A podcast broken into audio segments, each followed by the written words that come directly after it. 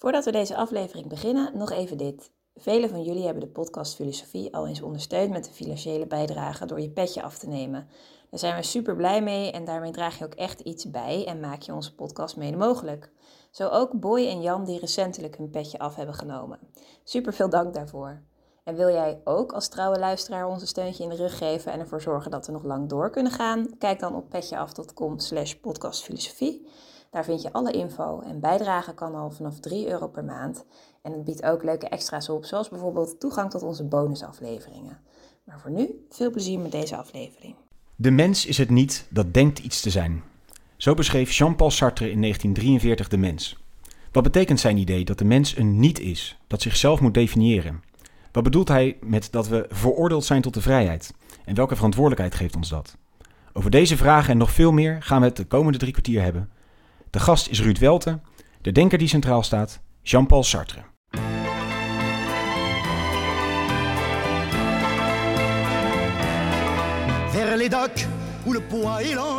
Mooi dat je luistert naar deze nieuwe editie van de podcast Filosofie van het Centre Erasme, School voor Filosofie in Zuid-Frankrijk, Vlaanderen en Nederland. Mijn naam is Allard Amelink. Het concept van deze podcast is simpel. Er is een hoofdgast, een presentator en een sidekick. En in ongeveer 45 minuten duiken we in het denken van één filosoof. Vandaag zit naast mij Kees Vijstra van het Centre Erasme. Welkom Kees. Ja, leuk. Leuk hier weer te zijn. En we zitten in uh, de prachtige bossen in uh, wat richting het oosten van het land. Tegenover uh, onze gast van vandaag, Ruud Welte. Filosoof werkzaam bij de Erasmus Universiteit Rotterdam en Tilburg University. Uh, welkom bij deze podcast. En dus ook uh, dank uh, dat we bij jou thuis te gast mogen zijn. Voor de luisteraars er staat een heel lekker stukje cake voor ons ook klaar. Dus het is, we zijn goed ontvangen. Ja, we worden goed verwend. ja, precies. Jean-Paul Sartre was een Frans filosoof die leefde van 1905 tot 1980. En hij schreef filosofische werken, romans en toneelstukken. En Ruud, de vorige podcast ging over Aristoteles bij ons. En ja, bij hem is toch wel de basis van zijn filosofie dat alle dingen op een bepaald doel gericht zijn. En zou je kunnen zeggen dat het denken van Sartre in zekere zin het tegenovergestelde is van het denken van Aristoteles? Ik zou zeggen dat Aristoteles veel eerder een denken van, van essentie is. Dus Aristoteles denkt, wat, wat, wat is de mens? Wat is, en, en vanuit daar gaat hij denken. En, uh, en dat is precies wat Sartre niet doet. Maar wat doet Sartre? Uh, voor Sartre, uh, als je het heel kort samenvat, zou je kun, kunnen zeggen dat uh, voor Sartre denkt, van, denkt de mens vanuit het niet. dat we zeggen, de mens uh, de mens is niet, uh, dat klinkt raar, maar waarom is het een niet? Precies zoals je het ook in het Nederlands zegt, hij is niet dit, hij is niet dat. Uh, wie alle andere mensen zijn, dat weet ik eigenlijk heel erg goed. jij bent mij aan het interviewen, de bakker is de bakker, de buurman is de buurman en ga zo maar door. Dus alles heeft een identiteit. De hele wereld heeft identiteit. De bomen zijn de bomen, de geschiedenis is de geschiedenis, behalve ik. Dus ik ben datgene, ik ben dat gat in het zijn dat zich daaraan onttrekt. En uh, het is een gat dat zich, uh, dat zich dus verhoudt tot het zijn. Het zijn als zijn verhoudt zich niet tot zichzelf. Dat is het probleem wat Sartre eigenlijk aankaart. Uh, zodra je denkt vanuit een zijn dat alles is, vanuit een eenheid, vanuit een heelheid, dan kun je eigenlijk al niet meer begrijpen wat, wat de mens als een, als een niet wetend uh, ja, iets kun je dus niet, dus niet zeggen, maar vanuit een, als een niet weten niet is. Ja, dus de mens is, eigenlijk als vraagteken. Dus de, de mens, mens, is een vraagteken, ja. De, maar er is dus niet zoiets als de mens, zeg maar. Er is niet zo, nou ja, er is, bestaat natuurlijk zoiets als de mens, maar um, het is niet het beginpunt. Het, het is een, um, en je, je, zou kunnen zeggen, de mens streeft ernaar de mens te zijn. De mens streeft ernaar te zijn wie die is, te zijn wie die werkelijk is. Um, de mens streeft ernaar om iets te worden. Maar al die, al die zaken die zijn pas mogelijk omdat de mens niet iets is van, uh, van meet af aan. Hij is niet al gevormd door iets waardoor hij iets juist wil worden. En dus de je zou kunnen zeggen, de mens is een, is een bewustzijn. Wat is een bewustzijn? Een bewustzijn is iets wat, wat geobsedeerd is door alles wat, wat is. En daarom wil de mens weten wat is, wat, dingen betekenen, uh, hoe die in elkaar zit, waardoor die wordt gedetermineerd, of dat nou geschiedenis of biologie of, uh, of sociologisch is. Hij wil dat begrijpen, maar hij doet dat altijd al vanuit, vanuit een radicaal niet, vanuit dat wat hij, wat hij niet is. Dat, dat, is, dat is het punt van Sartre. Ja, en in het zijn er niet zijn hoofdwerk, eh, laat hij dat zien aan de hand van een voorbeeld. Het voorbeeld van de ober. Ja, het, is, het is een heel beroemd voorbeeld van de ober, uh, waarmee Sartre eigenlijk, la, uh, denk ik, verschillende dingen wil, laten zien. Maar wat, wat voor nu denk ik belangrijk is, is dat Sartre was natuurlijk iemand die, die heel zijn leven lang maar één werkend oog had. Tegen het einde van zijn leven had hij ook zijn andere oog werkte niet meer. Was hij ook, de laatste tien jaar van zijn leven was hij blind. en dat is opmerkelijk voor een fenomenoloog. Hè. Is in zekere zin een fenomenoloog. Hoort bij, uh, bij, bij, bij de stroming die zich bezighoudt met dat wat verschijnt. Um, en, en wat verschijnt hem als hij daar op de terrassen van Saint-Germain uh, in Parijs zit? Uh, is, is alles wat zich zo in 10 meter van zijn rijkwijde, van zijn gezichtsveld afspeelt. En wat ziet hij daar? Onder andere de, een, een ober die niet een ober is, maar die zich gedraagt als een ober. Als je ober wil zijn, moet je ober dingen doen. Als je soldaat wil zijn, moet je soldaat dingen doen. Als je filosofiestudent wil zijn, dan moet je filosofiestudent dingen doen. Wat is dat? Uh, moet, je, moet je boeken lezen, moet je gesprekken voeren, moet je tentamens maken, et cetera, et cetera. Maar dat wil niet zeggen dat je het bent. Als je het bent, dan zou je ook niks doen. Een steen is een steen is een steen. Een steen is wat hij is. En die hoeft niet steen te doen. Die hoeft, nee. nee. die hoeft niet steen te doen. De mens die is, je zou kunnen zeggen, jaloers op de steen. Nou, natuurlijk niet jaloers op de steen, maar hij is jaloers op de steen in zoverre dat de steen, die is tenminste wat. Hè? Eventjes terugvertaald naar de samenleving. De andere mensen, dat, dat is de frustratie. De andere mensen zijn in ieder geval wat. De, mensen, de andere mensen die zijn obers, die zijn uh, filosofen, die zijn uh, politici, zijn sporters, ga zo maar door. Ze hebben iets bereikt wat ik in ieder geval niet heb. En dus de ober is, is voor Sartre het voorbeeld van de mens die, die mij verschijnt als, als, als, als, een, als een iets, als iets dat iets is, omdat het zich als iets gedraagt. Maar dat wil niet zeggen dat, dat de diepe determinatie, het diepe geheim van het wezen van degene die ober is, dat dat in zijn ober zijn in, ligt besloten, in zichzelf ligt besloten. Ja, we zijn niet voorgeprogrammeerd om een uh, ober te zijn. Nee, en zelfs als we zijn voorgeprogrammeerd, dan betekent dat toch al, dan, al, al die uitspraak alleen al veronderstelt altijd al dat dat vanuit een niet, vanuit een niet-determinatie gebeurt. En daar, past daar de term dat bij eerst de existentie, dan de essentie? Of de existentie gaat die essentie vooruit? Nou, verschil tussen, essentie en existentie is inderdaad... Dus essentie is, is wat is, hè, de steen, de ober, dat wat mij verschijnt. Um, maar de existentie betekent veel eerder de mens heeft te zijn. De mens is niet wat hij is, uh, is uh, zoals Sartre het, het uitlegt...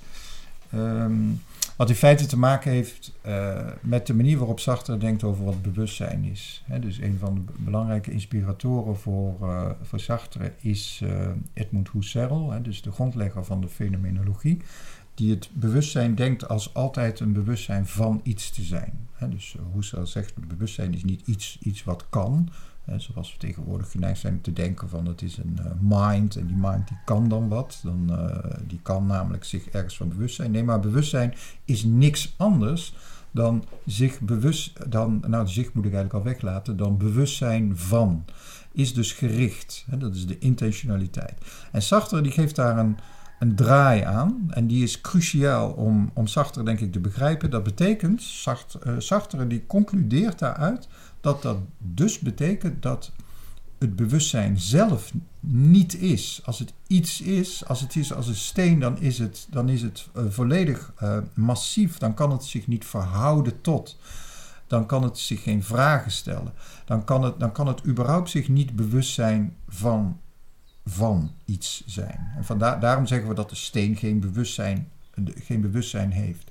Dus de mens is een existentie waarbij dat is natuurlijk vreemd is, een mens is niet, waarvan je kunt zeggen dat het zich tot zichzelf verhoudt. Dus de mens is een wezen dat vraagt maar wat is de mens? De mens is een wezen dat vraagt maar wie ben ik? En ja, en zoals dus een, een, een varken niet vraagt van ben ik een varken of, of wie, wie ben ik of wat, wat nee, doe ik daar, doet nee. de mens dat wel. Ja, en, en, en dat, maar dat verschil is cruciaal. Want daardoor kun je eigenlijk ook niet meer spreken over de mens. Eh, je kunt over een varken spreken omdat de varken de essentie heeft van een varken. En zich waarschijnlijk niet afvraagt van, ehm, eh, althans alle tekenen wijzen erop dat de varken niet eh, denkt van, nou ja, ik wil eigenlijk geen varken zijn, ik wil liever een schaap zijn. En daar ga ik me nu eens voor inzetten. En dat is nu precies wat de, wat de mens wel doet. Hè? Dus de, de- ik wil niet zijn wie ik ben. Ik wil, ik wil wat anders. Ik wil iets bereiken. Ik ga een studie doen. Of ik ga, weet ik veel, naar de sportschool. Ik, wil, ik, ik ben niet mijzelf. Het gaat dus om dat we dat onszelf moeten definiëren. In een citaat van Sartre is: de mens is alleen datgene wat hij van zichzelf maakt.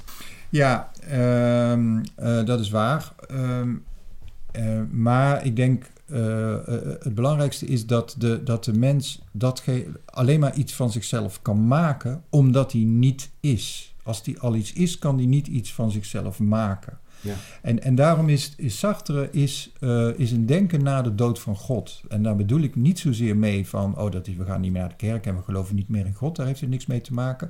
Maar in een samenleving, in een wereld waarin we nog gedetermineerd zijn door God, waarin het zin, de zin van mijn leven eigenlijk al is bepaald door iets wat ik zelf niet ben, namelijk eh, door God, maar we wel degelijk gedetermineerd, dan hoef ik eigenlijk niks anders te doen dan eh, God begrijpen. Hè, de, de, de 17e eeuw is niet geïnteresseerd in de vraag wie ben ik, die is, in de, die is ge- geïnteresseerd in de vraag wie is God. Nou ja, Omdat God dat- degene is die zijn bestaan betekenis kan omdat, geven. omdat God als, eh, is de drager van, van, van alle mogelijke betekenis. Dus van de hoogste betekenis. En bij Sartre valt die hoogste beteken, betekenaar, betekenis, die valt, die valt volledig weg. Dus die Ja. mens die, eh, die, die is... Er, er is zijn natuurlijk. Er is determinatie, absoluut. En ook de mens is gedetermineerd. Ja, door dus naar biologie of door Ja. de omgeving. Of de En- omgeving, of de opvoeding, of wat dan ook. Of door het uber-ich, of hoe je het ook eh, noemt. Maar de mens is, is, het, is het wezen dat zich verhoudt tot zijn determinatie. Dus, die dus niet weet wie die is. En vanuit zijn niet weten wie die is, iets wil zijn. Dus je andere manier van zeggen, die voor Sartre natuurlijk heel belangrijk is, is... Mens is niets anders dan een verlangen. En wat een verlangen om, om van dat niet iets te worden. Dat, dat kan je heel, heel makkelijk herkennen in ons gedrag in de samenleving. We willen allemaal iets, iets worden, we willen allemaal iets zijn, we willen allemaal een betekenis hebben.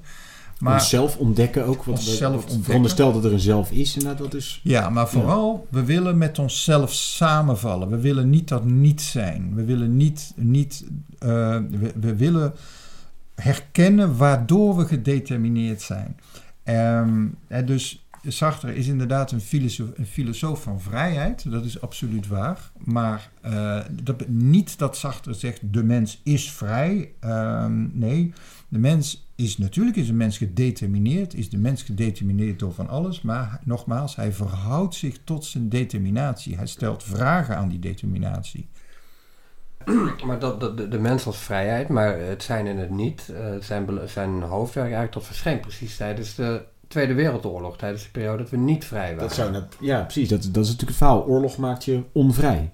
Ja, natuurlijk. En eh, ten eerste, dat is, dat is ook de reden waar- waarom Sartre eh, heel duidelijk op, op deze thematiek komt. Hè. Dus wordt vaak gezien als een politiek denker. En, en dat zou dan de latere Sartre zijn. Maar dat zit eigenlijk al volledig in zijn filosofie.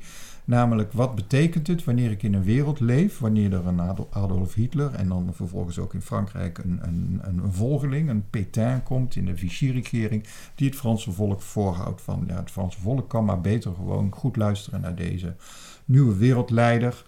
Eh, en wat voor impliciete filosofie zit daarachter? En Levinas heeft daar een hele mooie tekst over geschreven, al nog, nog voor de oorlog. Eh, die zag dat eigenlijk al heel erg goed, namelijk dat de mens is wat hij is. De Duitser is wat hij is. En de- die heeft een identiteit, die heeft een geschiedenis en daarvoor moet hij vechten, daarvoor moet hij staan. En dat zijn anderen dus ook niet dan. eh, er vallen ook mensen duidelijk buiten. En daar vallen natuurlijk mensen buiten. Ja, eh, de- de- wat betekent de identiteit? Betekent natuurlijk dat ik grenzen, dat ik Ja. grenzen ga trekken.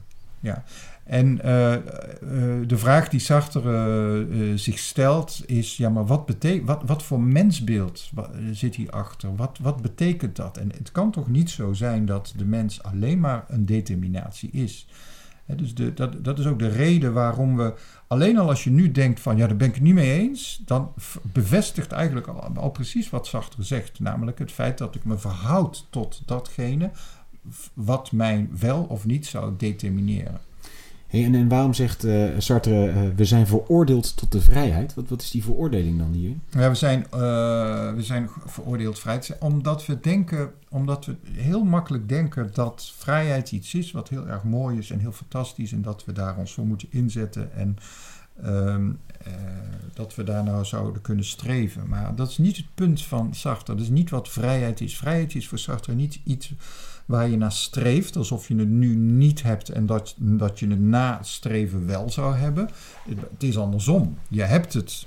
eh, je, je, eh, eh, de vrijheid is er. Ehm, het is precies het niet. Het is je niet gedetermineerdheid. En vanuit die niet gedetermineerdheid ben je eigenlijk met niets anders bezig door deze, door, door deze in te leveren. Dus door jezelf te zien als een wezen dat wel degelijk is gedetermineerd en dat wel degelijk iets is wat het, wat het is. Met andere woorden, die vrijheid is iets wat we, ehm, zeker in de moderne samenleving, ehm, zo snel mogelijk van ons willen afschudden. Hè, De, dus de vrijheid eh, eh, is benauwend. De vrijheid, eh, in, eh, als, als ik vrij ben, betekent dat ook dat ik verantwoordelijk ben voor mijn eigen vrijheid. Eh, en dat is iets wat we eigenlijk helemaal niet willen. En, en, en heeft dat iets te maken met, want dat is ook een belangrijk begrip in de filosofie van, eh, van, van eh, Sartre, het begrip kwade trouw. Heeft dat hier iets mee te maken? Ja, dat heeft er alles mee te maken. Dus een mauvaise foi. Maar het is altijd. Het is, kijk, mauvaise foi wordt eh, vaak vertaald als kwade trouw. Wat, wat ook terecht is. Want als je het in het woordenboek opzoekt, dan betekent het dat ook. Dus dat is niet het probleem. Maar eigenlijk zou je kunnen zeggen. Het is. Je zou het beter kunnen vertalen als tegen beter weten in hier, in dit geval. De Engelsen die vertalen het vaak als bad fate. Hè? Dus, en, als je dat weer terugvertaalt, dat is slecht geloven. En dat kan ik weer vertalen als tegen, weten, tegen beter weten in. Dus ik denk dat ik iets ben, maar tegen beter weten in. Ik lieg ten aanzien van mijn eigen niet. Hè, Sartre is een dialectisch denker, eh, nog meer dan dat hij een fenomenologisch denker is, zou, eh, zou ik zeggen. Dat betekent dat, hij, eh, dat de mens deze negatie die hij is, Namelijk opnieuw niet. negeert. Namelijk het niet negeert. Dus de mens zegt, ja, maar ik ben wel degelijk wat. Hè? Dus dat- en dat is de kwade trouw. Dus de kwade trouw is in zoverre niet moreel. Het is niet, het is niet iets wat je niet mag zeggen of wat dan ook. Het, is, het laat de structuur zien van het menselijk bewustzijn überhaupt.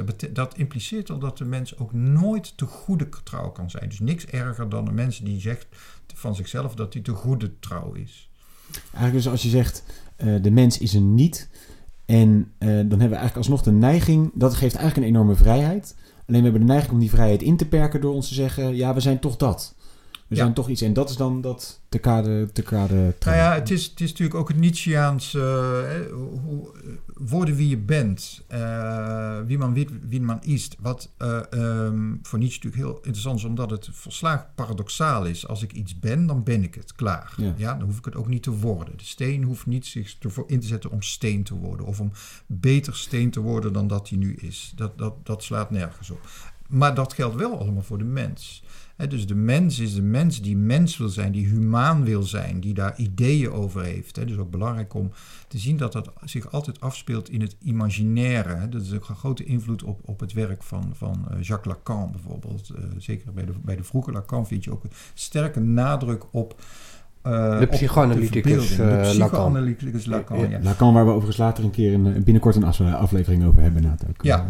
Ja, en, dat, eh, en ik haal dat erbij omdat de mens, waar, waar je ook terecht mee begon, eh, de mens is altijd een, eh, is het wezen dat zich voorstelt iets te zijn, maar niet iets is. Ja, dus waar zit de werkelijke vrijheid voor Sartre in besloten? Niet te vechten voor de vrijheid of wat dan ook, maar, maar in de erkenning dat ik niet ben. Dat, dat datgene wat ik mijzelf voorstel te zijn, dat dat ook vooral een voorstelling is.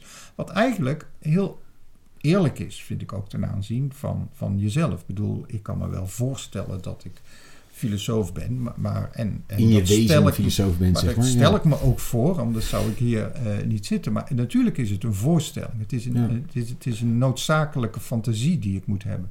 En hoe, eh, hoe verhoudt zich dat tot anderen dan? Want zijn, anderen zijn ook een niet, maar eh, Ja, ik dat- zie ze denk ik niet heel vaak niet als niet, zeg maar. Nee, je dat- zei het aan het begin al een beetje, ja, anderen zijn een ober of anderen zijn een sporter, denk ik dat een hele sterke Ja, kijk, het beeld wat je een beetje bij Sartre hebt is, ehm, is, is alles is. Gewoon alles is. Het zijn, er is zijn, alles is. De wereld is, de geschiedenis is, de anderen zijn. Want de anderen verschijnen mij als objecten. Hoe, hoe, ik kan, hoeveel ik ook kan zeggen van, ja, maar anderen zijn voor mij niet objecten. Dat zijn ook mensen. Dat alleen al laat zien dat de anderen voor mij objecten zijn. Omdat dat ik er vanuit mijn vrijheid iets over zeg. Dat Ja. bedoel ik hier met objecten.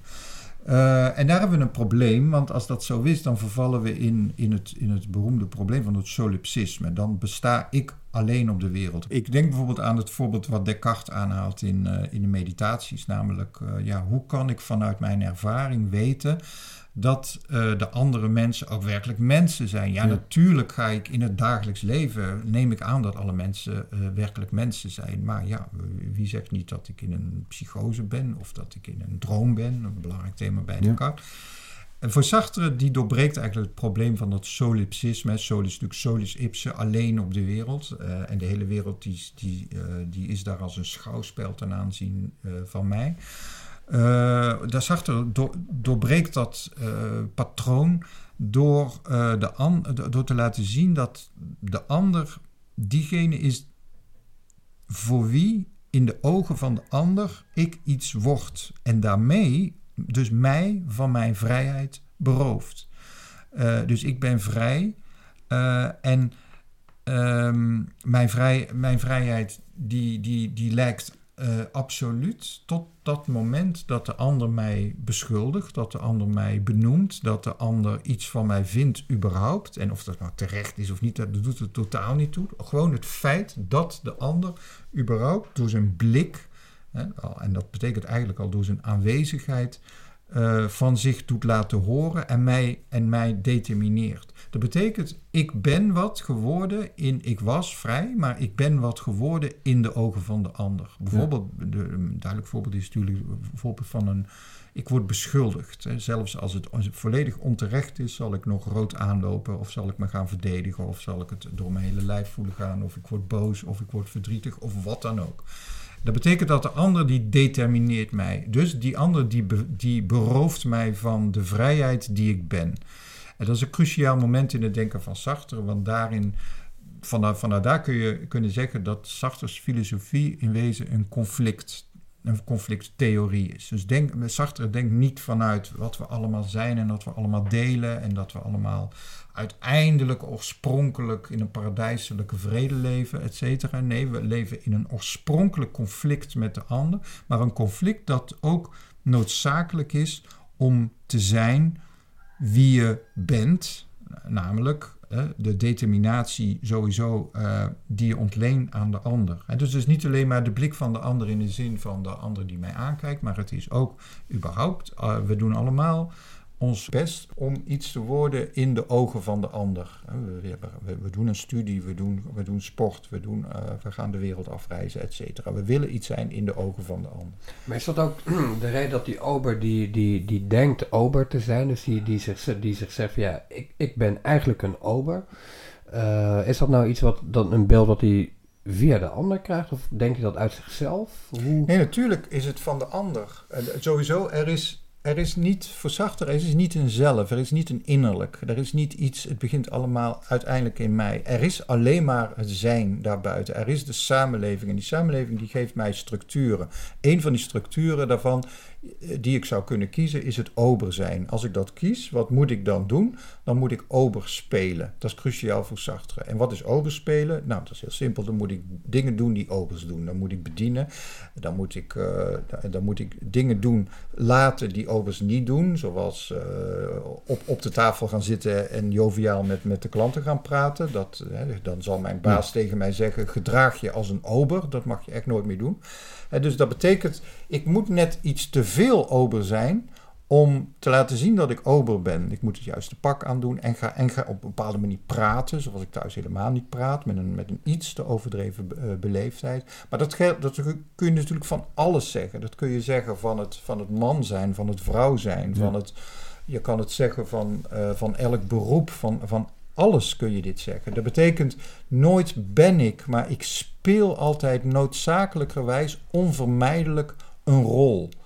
Uh, en die rol die, die is er al. Natuurlijk ben ik niet diep in mijn hart ober. Dat is, dat is onzinnig om dat te zeggen. Want een, de, de het hele structuur van het ober zijn wordt mij gegeven buiten mij. Bovendien, de ober, dat is iets wat al lang bestond voordat ik werd geboren. Maar dat geldt dus niet alleen voor het ober zijn, maar eigenlijk voor alle dingen geldt het. Dat je voor elke identiteit die ik me aanmeet. Dus ook voor de identiteit van het Nederlander zijn of de identiteit. En dat is natuurlijk het probleem van onze tijd. Wij zijn geobsedeerd door identiteit. We, we, we, die, die vrijheid is ondraaglijk. Uh, dus we willen iets zijn. Ja, waar, waarin zie je die ondraaglijke vrijheid vandaag de dag? Nou, in, ik denk, nou precies uh, wat ik zeg, het is, het is een, een, obsessie voor, voor iets te zijn. Ik bedoel, elke, elke dorp en stad die moet zichzelf, of elk bedrijf moet zich, bij zichzelf nagaan wie ze zijn, waar ze voor staan, wat ze eigenlijk zijn, wat hun, wat hun bestaansrecht op de wereld is. Uh, maar elke persoon moet iets zijn, moet zich onderscheiden van anderen, wat het helemaal absurd maakt. Dus het is, het wordt een soort collectieve neurose, zou je bijna Freudiaans kunnen zeggen, om, om, te, om te zijn wie, wie je bent. Uh, kijk, de, bevrijdings van, de bevrijding van het existentialisme, van Sartre's filosofie met name, die zit erin in te begrijpen dat je niet bent hè, en, en dat je inderdaad een rol speelt. Maar vervolgens mag je die rol wel spelen. Hij zal niet zeggen, ja, je mag niet van jezelf zeggen dat je een ober bent. Of toch maar even de ober. Nee, nee, maar het is daarom zeg ik, het is onvermijdelijk. Natuurlijk, je, je, eh, kijk, daarom is Sartre geen boeddhist. En daar, daarmee bedoel ik, eh, de, de mens is niet in wezen een niet. Eh, want dan zou, of een niets zou je dan kunnen want dan zeggen. zou je alsnog weer zeggen, er is toch een essentie van ja, wat de mens is. Ja, zeggen, ja. dat is de essentie van het, van, eh, dat is uiteindelijk de essentie van het niet, uh, dat hij niks is. En hij mag ook niks zijn. Maar dat is absurd. En daarom is het een dialectiek. En waarom is het een dialectiek? Omdat de mens eigenlijk vanuit dat niet verlangt iets te zijn. En dat is een structuur voor Sartre om te begrijpen wat de mens uiteindelijk is. Maar niet door de mens toe te schrijven, hij is uiteindelijk dit, hij is uiteindelijk dat. Daarom is het ook geen, uh, uh, het is geen Aristoteles, het is geen Darwin, het is uh, daarin zelfs geen Freud. Bij Sartre is die vrijheid ook radicaal. Dus precies op dat, op dat moment waarin, waarin iemand kan zeggen van ja, maar nou heb ik me toch een voorbeeld waarin blijkt dat mens helemaal niet vrij is. Nou, ik, ja, noem maar wat, noem maar een cliché. Uh, ik sta met een pistool tegen mijn hoofd. Dan kan je toch niet zeggen dat ik vrij ben. Of ik zit in de gevangenis voor, uh, voor heel mijn leven, et cetera. Ik ben dus niet vrij. Nee, precies dan komt het erop aan om jezelf als een vrij wezen te denken. Er bestaat geen situatie waarin ik niet. Uh, waarin ik ineens verdwijn in een volledige gedetermineerdheid. En dat, en dat, is precies de reden, de reden waarom we in verzet kunnen gaan. Natuurlijk kan ik dingen doen als ik een pistool tegen mijn hoofd heb. Toen ik denk Denk maar aan de, de beste Amerikaanse film. Je kan uh, proberen vanaf te komen. Hele spectaculaire kan, dingen kun je doen. Ja, je kan hele spectaculaire dingen doen. En we moeten dus ook geen slachtoffer zijn van die context door, kan zeggen. Nee, nee dat, en dat is de gedachte van de situatie bij Sartre. Dus, dus die vrijheid, die is altijd, die is niet gedetermineerd. Dat zou raar zijn, want vrijheid betekent niet determinatie. Dat is, dat is volledig wat vrijheid betekent. Um, uh, en natuurlijk ben ik gedetermineerd, maar nogmaals, ik verhoud me tot, tot die determinatie. Uh, ik verhoud me tot mijn determinatie. Ja. Dat is precies wat de vrijheid is. Dus ja, dat betekent dat mijn. Uh, hoe zei het ook alweer? Dat ja, de situatie. De situatie, ja. daar had ik wel. Ja, en dat we daar geen slachtoffer van zijn. Ja, dat we daar geen slachtoffer, dat was het, ja. Natuurlijk. Zo is het nu eenmaal. Dat is Zo is precies niet wat... wat uh, nee, precies. En dat, en dat is de rol van de situatie. Uh, dat betekent dat mijn vrijheid is natuurlijk altijd gesitueerd. En natuurlijk ben ik een man of ben ik een vrouw. Natuurlijk ben ik op een gegeven moment... Uh, raak ik in een oorlog verzeild of in een ruzie. En natuurlijk zeg ik daarvan, maar ik heb dit niet gewild. Dit ben ik helemaal niet. Want als het aan mij had gelegen, was dit nooit gebeurd. Nee, natuurlijk is dat zo. Maar de situatie is, is, is altijd mijn situatie, die onvervreemdbaar van mij is. En die vrijheid die tekent zich altijd af, daarom is Sartre geen boeddhist, die tekent zich altijd af ten aanzien van de, een concrete situatie die iets van mij vraagt. Die vraagt van wat ga ik doen? Laat ik me behandelen tegen mijn ziekte of niet? Ga ik vechten tegen de oorlog of niet? Of ga ik wat anders doen? Of ga ik romans schrijven in de oorlog? Om het maar uh, dicht bij Sartre te houden. Uh, dat betekent, er is een een eindeloosheid aan mogelijkheden die binnen, die binnen die situatie mogelijk is. Dus niet die situatie is mijn determinatie. Dat, Nee. dat is het grote verschil. Dat is ook belang van het woord si- situatie hier. Ja, maar de, de, de, geen, dete- de, geen determinatie, maar we, we, we hadden het al even over de ander. Die ander, dat is toch degene die mij, mij, mij gevangen houdt en juist vastzet. En, en in die zin eh, eh, zegt Sartre ook, de hel, dat zijn de anderen. Ja, dat is waar. De, de, de hel is de ander. Maar ja, in, je moet oppassen. Eh, je moet bij Sartre altijd oppassen om niet, niet al te moreel over te spreken. Dus de ander is degene die mij vastzet. Ja, dat is waar. Maar ik wil niks liever dan dat. Ik wil niks liever dat, dat ik Wat word helderheid gezien. eigenlijk hebben, zeg Het, het maar. geeft Ja. helderheid Je over mijzelf. Kees zei net, het vraagteken een beetje oplossen. Eh, Ja, dus eh, precies. Hè, en, en dat is, daarin ligt ook de kwade trouw. Dus het inleveren van mijn vrijheid. Dus het doen alsof ik wel degelijk iets ben. Dat ik, dat ik wel degelijk gedetermineerd ben. Dus ik ben eigenlijk hartstikke blij wanneer eh, de ander mij gevangen houdt. Een etiketje op je plakt eigenlijk. we ja. willen het liefst gevangen zijn. Dat is het hele probleem. Dat is waarom Sartre over de vrijheid begint. Hè. Dus je moet vrijheid bij Sartre nooit denken als, eh, als, als een doel waar ik naartoe moet werken. Dat de politiek uiteindelijk moet streven om naar de vrijheid toe te werken. Of dat soort eh, modellen. Het is altijd precies andersom. Het is je denken vanuit de vrijheid. Hey, Dus en, eh, vanuit de niet gedetermineerdheid. Ja, en als we kijken, wat zijn de inspiratiebronnen van Sartre geweest om tot dit denken te komen? Je noemde al een, een paar dingen, de fenomenologie noemde je al even. Eh, het ging ook kort even over dialectiek, wat natuurlijk met Hegel eh, Ja, te ik- maken heeft. Ik denk dat dat zijn twee Ja, eh, het is. eh, Als je, het, als, je, als je dat antwoord simpel houdt, dan heb je eigenlijk. Ja, dat is natuurlijk altijd even het probleem van de beperkte tijd. Nou ja, het heeft natuurlijk. Sartre is natuurlijk een interessant denker in een, in, in interessante tijd waarbij je de, de invloeden niet alleen maar uit de filosofie had, maar bijvoorbeeld ook uit de literatuur. Hè? Dus ehm, eh, mensen als André Gide of zo, die heel, heel invloedrijk waren voor, eh, voor Sartre. Maar eh, als je het even binnen de filosofie houdt, dan, dan zeker de fenomenologie is heel erg belangrijk. Maar Sartre gaat tegelijkertijd, en de fenomenologie, dus, dus Husserl, Heidegger, gaat ook voorbij aan de fenomenologie. De vrijheid is precies niet een ervaring. Dus het is niet, het is niet in de ervaring als zodanig gegeven. Dat is Eh, iets maar- waar de fenomenologie zich op richt, namelijk op de ervaring. De, de fenomenologie, precies, die, die eh, wil altijd terug naar de ervaring. Eh, in zekere zin is het bij Sartre ook wel zo, maar bij Sartre wordt het steeds, steeds meer eigenlijk een dialectisch denker. Hè. Dus di- dialectiek betekent dat ik, dat ik, als ik een fenomenoloog ben, om het maar even simpel te houden, dan is zwart zwart omdat het een ervaring geeft van zwartheid, eh, wat het dan ook mag zijn. Eh, voor een dialecticus is eh, zwart het tegenovergestelde van wit. En daardoor is het zwart, is het niet het wit. Nou, we hebben het nu heel tijd over het is niet dit, niet. En, en dat kun je eigenlijk niet meer fenomenologisch begrijpen bij Sartre. Eh, dat maakt Sartre ook een lastig denker, omdat al die lijnen door, elkaar gaan lopen. En, en soms zijn ze bovendien moeilijk uit elkaar te houden. En is misschien wel eh één punt wat op dat ervaringsniveau van vrijheid wel belangrijk is voor Sartre. En dat is de ervaring van de angst. En de angst, die natuurlijk, eh, ja, iedereen die een beetje met filosofie bezighoudt, die weet dat hij zich altijd onderscheidt van de vrees. Hè. Dus Kierkegaard is de eerste geweest die dat eh, heeft verwoord. De vrees is altijd een vrees voor iets. Maar de angst is een existentiële angst. Hoe, hoe begrijpt Sartre dat? Ja, kun je het voorbeeld net geven van, van de berg? eh? Ja, nou, dat is, dat is een, Sartre geeft veel voorbeelden. Dat is, dat is ook het mooie van het zijn en het niet. Sartre is natuurlijk toch een literator, die kan dat ontzettend goed beschrijven. En een van de voorbeelden die hij beschrijft is eh, wanneer je langs de, over de klif van een berg loopt, is natuurlijk zal ik de vrees hebben om erin te vallen en zorgen dat dat niet gebeurt. Dus de vrees is voor iets concreets. De vrees is concreet, Ja. is van maar, oh, maar dit gaat me gebeuren. En gelukkig heb je vrees, hè, eh, zegt Freud ook ergens. Hè, de angst heeft een functie, want die zorgt ervoor dat ik inderdaad Ja, naar je niet beneden dicht langs het randje gaat Ja, en dat ik niet rare dingen ga doen als ik voor een tijger sta, en, eh, eh, eh, et cetera.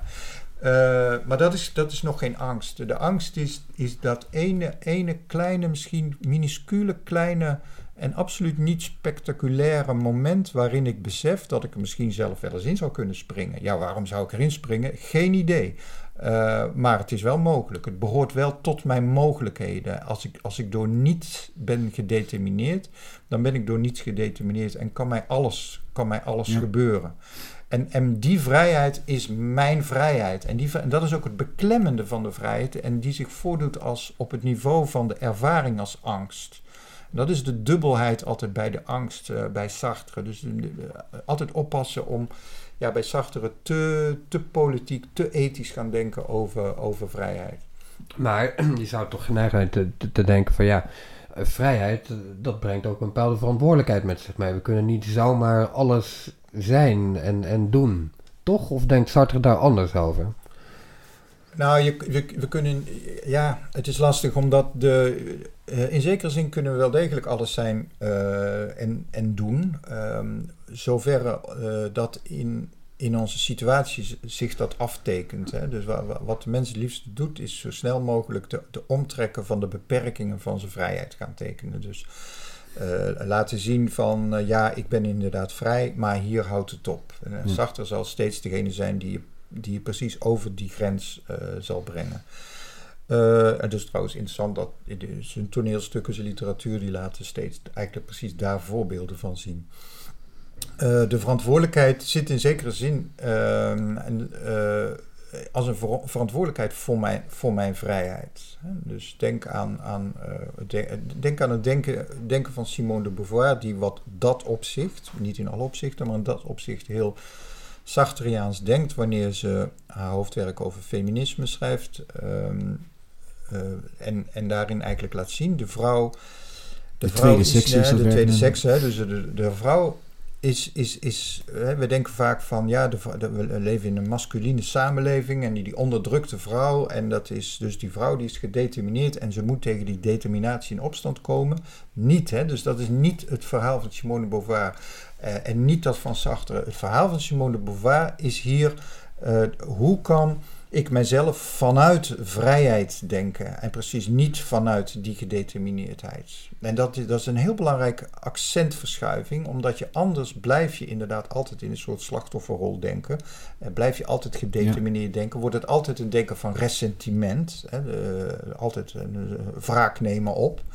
Um, en inderdaad, ik heb net gezegd, het is een conflictdenken, maar het is een conflictdenken omdat ik mezelf altijd vanuit een vrijheid heb te denken. En als we nu uh, kijken naar dit denken van, uh, van uh, Sartre, je hebt net al een paar lijntjes naar het heden gedaan. Wat zijn de belangrijkste receptie geweest van Sartre? Op welke manier is hij van invloed geweest op de rest van de filosofie tot nu? En, en wat zouden we er nu mee kunnen? Of wat, moeten we ermee?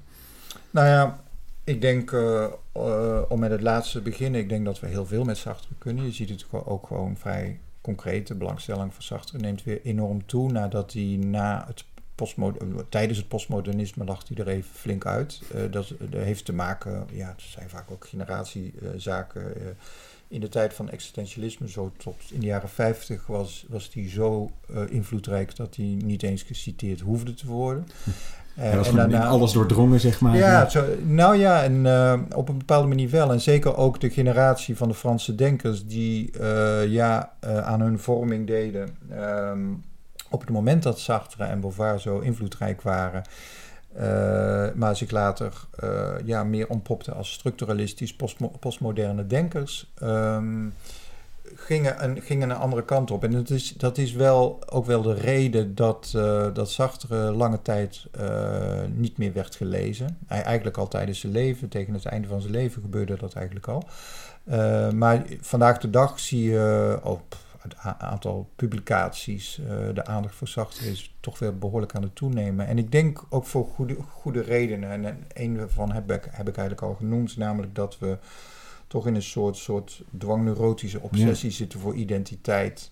Uh, voor, voor wat we nu werkelijk zijn en daarmee ook het liefst um, vluchten in allerlei uh, wetenschappelijke modellen die ons dat kunnen laten zien, ofwel politieke modellen, ofwel uh, godsdienstigen die ons aan alle kanten helemaal uh, vastzetten. En dat is precies wat we zelf willen. Hè. We, we, we, dat, ja. dat, dat, laat zachter goed zien.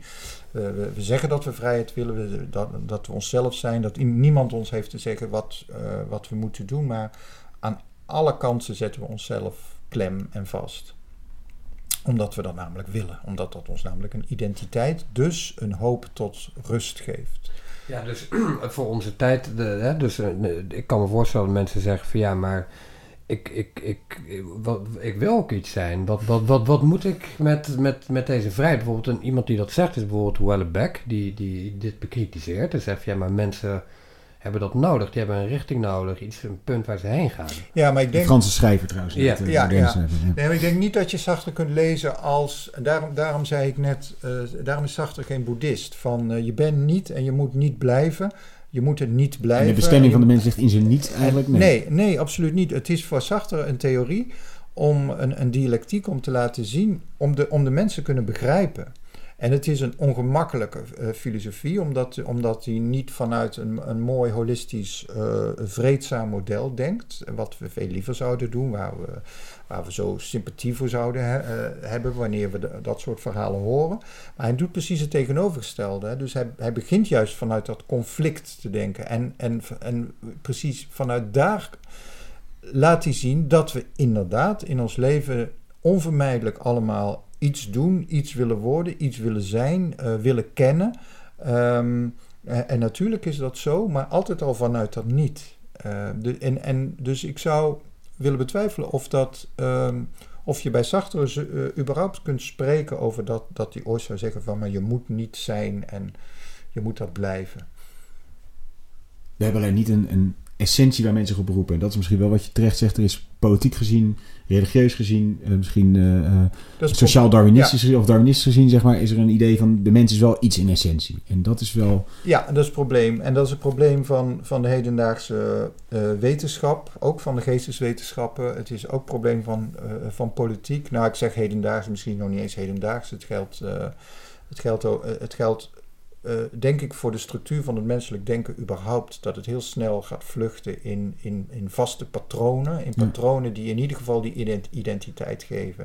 Ik denk de grote, grote overeenkomst met psychoanalyse en met existentialisme, zeker van Sartre, is van maar begrijp dan dat je niet bent. Daarin ligt de, de, de vrijheid, de verlossing besloten. Niet door iets te zijn of iets te worden of ergens naar te streven. Dus de, de, de, die, dat heil, dat ligt niet bes- besloten in ergens naar te streven, maar in te begrijpen dat dat streven gedoemd is te mislukken. Dat is een zeer bevrijdende gedachte. Precies. Mooi. Voor mij een mooie afsluiting. Eh, dank voor eh, je uitgebreide toelichting op, eh, op Sartre. Ehm, eh, dank ook Kees als, als sidekick. Volgens mij een, een zeer boeiend en actueel denken dus inderdaad. Dankjewel Ruud. Dank ook voor je ontvangst hier. En eh, tot de volgende keer.